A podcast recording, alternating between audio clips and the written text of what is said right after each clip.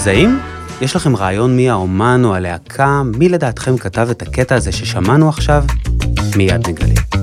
המאסטרים, המרצים הטובים בישראל מגיעים אליכם עם קמפוס IL, אתר הלמידה של ישראל. עורך ומגיש, אסף וייס. דמיינו שאתם בשעשועון טלוויזיה. נגיד עשינו עסק, למי שזוכר מה nineties. שלושה וילונות, מאחורי אחד מהם מסתתרת מכונית חדשה. המנחה מבקש מכם לבחור את הווילון, אם תגלו, תזכו במכונית. אתם בוחרים בווילון מספר אחת, אבל אז המנחה בוחר לפתוח דווקא את וילון מספר שלוש, והוא חושף שמאחוריו אין כלום. עכשיו הוא שואל אתכם, רוצים לשמור על הבחירה המקורית בווילון מספר אחד, או דווקא לשנות אותה לשתיים? מה תעשו? תחליפו? והאם זה רק עניין של מזל? תופתעו לשמוע שלאורחים שלנו היום יש משהו מרתק לספר לכם על זה. שלום לדוקטור יהונתן שלר ודוקטור נעמה קופלמן. שלום. שלום, שלום. שניכם מרצים וחוקרים במכון הטכנולוגי חולון HIT ועומדים מאחורי הקורס מבוא למדעי הנתונים, קורס שפתוח לכולם בחינם בקמפוס IL. בואו נתחיל מהכי בסיסי. אני שומע על זה כל הזמן, מכל מקום, דאטה, דאטה, דאטה, הזהב החדש. מה זה בכלל מדעי הנתונים? קודם כל, זה תחום מרתק. אז אמנם אני מישהו חד, אבל כדי לשכנע אתכם גם אני אספר לכם קצת מה זה עושה. התחום הזה בעצם מאפשר לנו לענות על שאלות שנשאלות בעולם באמצעות נתונים. אנחנו אוספים נתונים, או נתונים יש בכל מקום, ואנחנו מנתחים אותם ומנסים להגיע למסקנות או תובנות באמצעות הניתוחים והדאטה שבעצם נמצא לפנינו. ובוא תתן דוגמאות מה בעצם אפשר לעשות עם זה. אפשר לעשות עם זה הרבה מאוד דברים. בעצם אנחנו נתקלים ביישומים שזה ממש ביום-יום. אז למשל, בפייסבוק, דברים שמוצגים לי בפיד שלי, הם מותאמים להעדפות שלי ולתחומי העניין שלי. גם אם לי ולך יש את אותם חברים, אני אראה דברים אחרים, ואתה תראה דברים אחרים. הבנתי. אז יש לי בעצם, יש מידע על הגלישה שלי בפייסבוק, ומן הסתם גם בפיננסים ובנקאות ורפואה ותחבורה, ומי כמונו יודע גם בלמידה דיגיטלית. תוכלו לספר קצת על התחומים השונים שבעצם המשותף לכולם זה היכולת המדהימה הזו לנטר ולעקוב אחרי כל פעולה? בעצם היום אנחנו נמצאים בעולם שמייצר דאטה. הכל מדיד, הכל נרשם, הכל מתועד בעצם דיגיטלי, ומה שאנחנו רוצים לעשות זה לעשות שכל או להשיג תובנות מתוך הנתונים האלה. הנתונים האלה יכולים להיות בצורה של טקסט, יכולים להיות בצורה של תמונות, יכולים להיות בצורה של וידאוים, בצורה של selfies שאנחנו מצלמים, זה יכול להיות בצורה של סנסורים שרושמים דברים. זה בעצם בכל הצורות האפשריות, ומדע הנתונים מתעסק באספקטים השונים ובניתוחים השונים של ה data points האלה, מתוך מטרה להשיג בעצם בסופו של דבר מסקנות. הבנתי, אז, אבל אני משער שתהליכי הערכה ומדידה ומעקב אחרי נתונים כדי לשפר ביצועים היו במשך הרבה מאוד שנים. מה החידוש הגדול עכשיו שבאמת הופך את הדאטה לכזה Game Changer בכל המהפכה הדיגיטלית? קודם כל זה שהדאטה הוא נגיש, אומרת, אה, היום המחיר של האחסון יורד, יש הרבה יותר מכשירים אה, מחוברים, מקושרים, מקוונים, אז הדאטה זה נרשם, ויכולות החישוב עולות, כך שאנחנו בעצם יכולים לנתח את כמויות הדאטה האלה, הן נגיש, נגישות לנו כחוקרים, לנו כאנשים בתעשייה, ובעצם פתאום אנחנו יכולים להשיג תובנות על הדברים האלה, ויש לנו את משאבי החישוב שיכולים לחשב אה, תובנות בעצם, או לנתח אותם, ואז לקבל בעצם מסקנות. הבנתי. ההתמחות שלך, יונתן, היא ניתוח טקסטים. איזה מידע אפשר להפיק מטקסט ובעצם למה זה יכול לשמש?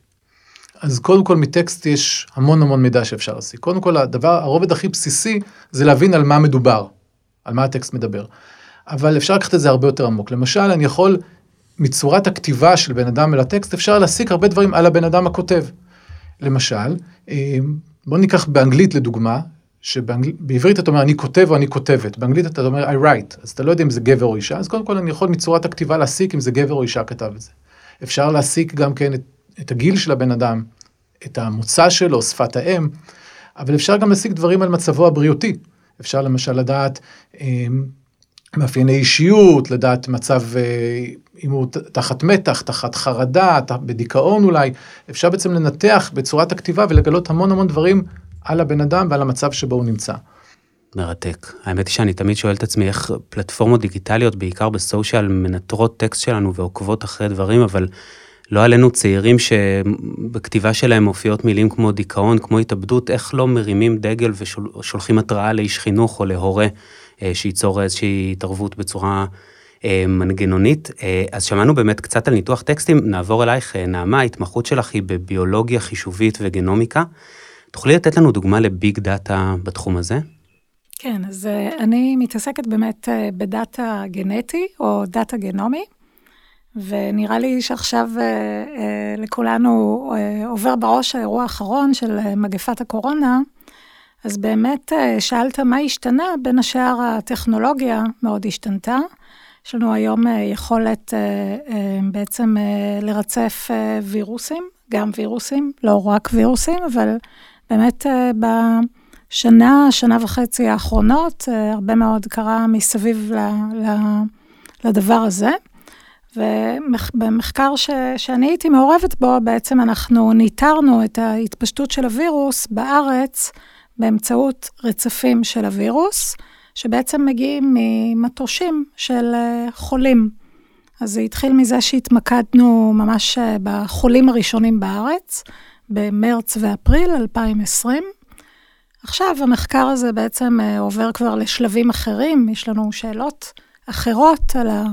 הזנב של המגפה, מה קורה כש, כשבעצם כמות החולים יורדת. וזה מסוג המחקרים שבעצם התוצאות נאספות בריל טיים, כלומר אפשר לקבל החלטות ברמת המדינה, ברמת העולם על, על נתוני אה, תחלואה ונתוני התפשטות מגפה ממש בזמן אמת?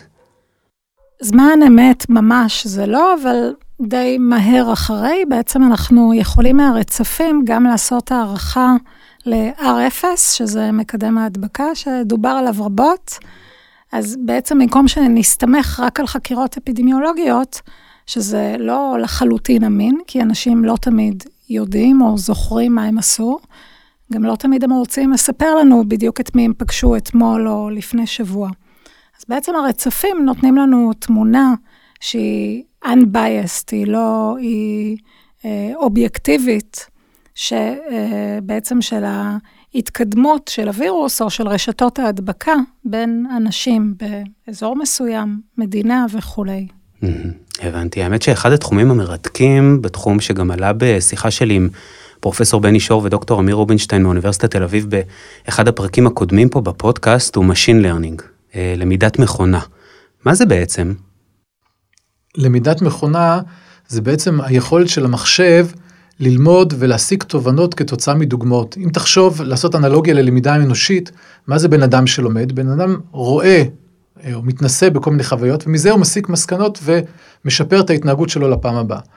אז פה מחשב בעצם רואה או מקבל כל מיני דוגמאות אה, מהעולם, הוא רואה אותם, הוא מכליל אותם ומזה הוא מסיק איזושהי לוגיקה שעל פיה הוא יכול להחליט החלטות או לקבל מסקנות על אה, דברים חדשים. זה, מה שזה נותן לנו זה בעצם, במיוחד בדברים שמאוד מורכבים, במקום שאנחנו נגיד למחשב אה, מה מאפיין כל דבר, המחשב בעצם מסתכל על הדוגמאות ומסיק את זה לבד. ניתן כמה דוגמאות. למשל, אם יש לך אה, תמונות ואתה צריך לזהות בתוך התמונה איפה נמצא בן אדם או איפה נמצאים פנים. יש אין סוף סוגי פנים. אז במקום שאנחנו נגיד למחשב תחפש עיניים, תחפש אף, תחפש פה, ו, אמ, וזה מאגר אינסופי של הגדרות שניתן לו, אנחנו פשוט נותנים לו אוסף של תמונות, אומרים לו בתמונה הזאת יש פנים, בתמונה הזאת אין פנים, ואז המחשב לבד אה, משכלל את הידע שלו ולומד לזהות את התמונות עם הפנים בפנים ומבדיל אותם מתמונות האחרות. בעצם אנחנו לא אומרים, אנחנו לא אומרים לו, מנסים להדריך אותו, אנחנו נותנים לו מאגר של נתונים, וככל שניתן לו יותר, הוא גם ילמד בצורה הרבה יותר טובה? נכון. בדרך כלל, ככל שיש יותר דוגמאות, המחשב לומד יותר טוב, בסוף יש איזושהי התכנסות, אבל אה, זה תלוי גם במורכבות הבעיה. ככל שהבעיה היא מורכבת יותר, צריך יותר דאטה בשביל ללמוד, וגם על, המערכות הלומדות הופכות להיות מורכבות יותר. זאת אומרת, אה, בהתחלה הלוגיקה שהמחשב יכול היה ללמוד הייתה יותר פשוטה, ובשנים האחרונות חלה התקדמות מאוד משמעותית בתחום של... אה, תחום שנקרא רשתות עמוקות, רשתות נוירונים עמוקות, אה, ואז הפונקציות או הלוגיקה שמחשב יכול היה ללמוד, היא נהיית הרבה יותר מורכבת ומשוכללת. הבנתי, אם סתם לשלוף מהראש אה, דוגמה, הגעתי לפה לאולפן בעזרת האדיבה של אפליקציית Waze הנהדרת, היא גם מתבססת על דברים דומים? אז Waze גם מתבססת על דברים דומים, היא מתבססת גם על דיווח של של נושאים בזמן אמת בשביל התנועה, אבל גם בשביל לחזות קדימה, אם אתה שואל אותה מתי לצאת מחר בבוקר, אז היא יודעת גם להגיד לך מתי לנסוע ומאיפה לנסוע, אז, אה, כל מיני, אז זה בוודאי מבוסס למידת מכונה.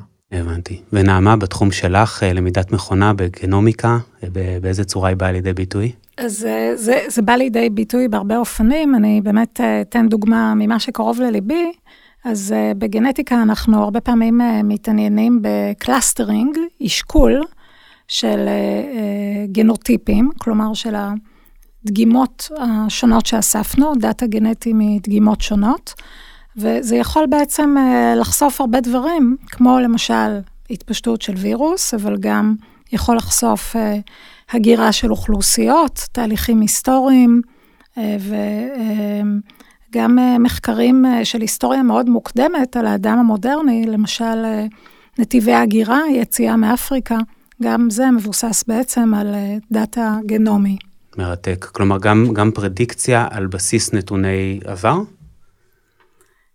בתחום שלי פרדיקציה זה לא, כי, כי אנחנו לא, אמ, אנחנו לא נותנים תחזיות לגבי אמ, האם אנשים יתרבו כך או אחרת, או אה, יהגרו או לא יהגרו, אבל אנחנו כן יכולים אה, ללמוד מתהליכים שהתקיימו בעבר ולהגיע לתובנות. למשל, אנחנו יודעים מה קורה כשיש גידול אקספוננציאלי, מה קורה מבחינה גנטית, או מה קורה במצב הפוך, כשיש בעצם צמצום של אוכלוסייה. בואו נעיר רגע צד, אה, לא יודע אם אפל, אבל צד קצת פחות מואר של התחום. אני מגיע מעולם התקשורת, אה, ובעיניי היכולת הזו לעקוב אחרי הנתונים וההתנהגות של היוזרים, לפעמים הופכת עיתונאים ממעצבי דעת קהל למרצי דעת קהל. כי ברגע שאנחנו רואים בזמן אמת מה מעניין, על מה מקליקים, איפה נכנסים, זה משנה לגמרי את כל העבודה העיתונאית, ולדעתי לא רק שם. אה, גם ברשתות חברתיות, הפילטר באבל המפורסם של פייסבוק, מערכות המלצה כמו באמזון, נטפליקס, ספוטיפיי, אפילו אצלנו בקמפוס אל מערכות המלצה קורסים שמציעות לי תוכן שמתבסס על היסטוריית החיפושים והשימושים שלי. זה לא נורא מצמצם אותנו לקרוב, למוכר, לדומה, למה שמאוד מאוד uh, מתחת לפנס? אה, יש כאן איזושהי בעיה, זה כן אה, יוצר איזשהו צמצום, וזה גם בעצם יכול לשרת גופים שונים שהם רוצים לעצב את דעת הקהל. באמת זה יכול קצת גם לטשטש את הגבול שבין הצגה אובייקטיבית של תוכן להצגה שהיא כבר אה, מונחית אה, העדפות אישיות שלך או של המגזר שאתה משתייך אליו. בעצם אה, אה, מחקרים מראים שבשנים האחרונות אה, אה, יש מגמה של הקצנה בחברה, למשל הקצנה של ימין ושמאל, ואחד ההסברים לזה זה בעצם אה, מין מנגנונים של חיזוק חיובי.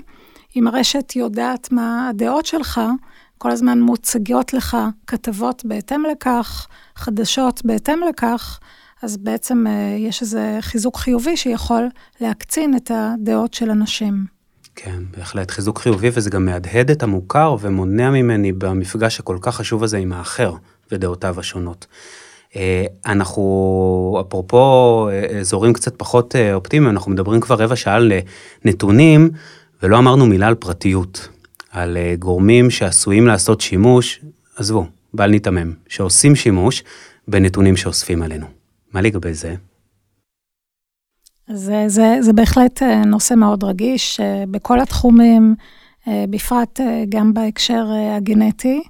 אז אני חושבת ש, ש, שכולנו יודעים שבעצם נאספים עלינו נתונים, as we speak, אז אה, אנחנו באמת אה, צריכים להיות משתמשים אה, חכמים ברשת, ולפעמים זה לא כל כך פשוט, ויש גם מקום לאיזושהי רגולציה חשובה, והייתי אומרת שרצוי שאפילו תהיה מחמירה מצד המדינות שיפקחו על העניין הזה.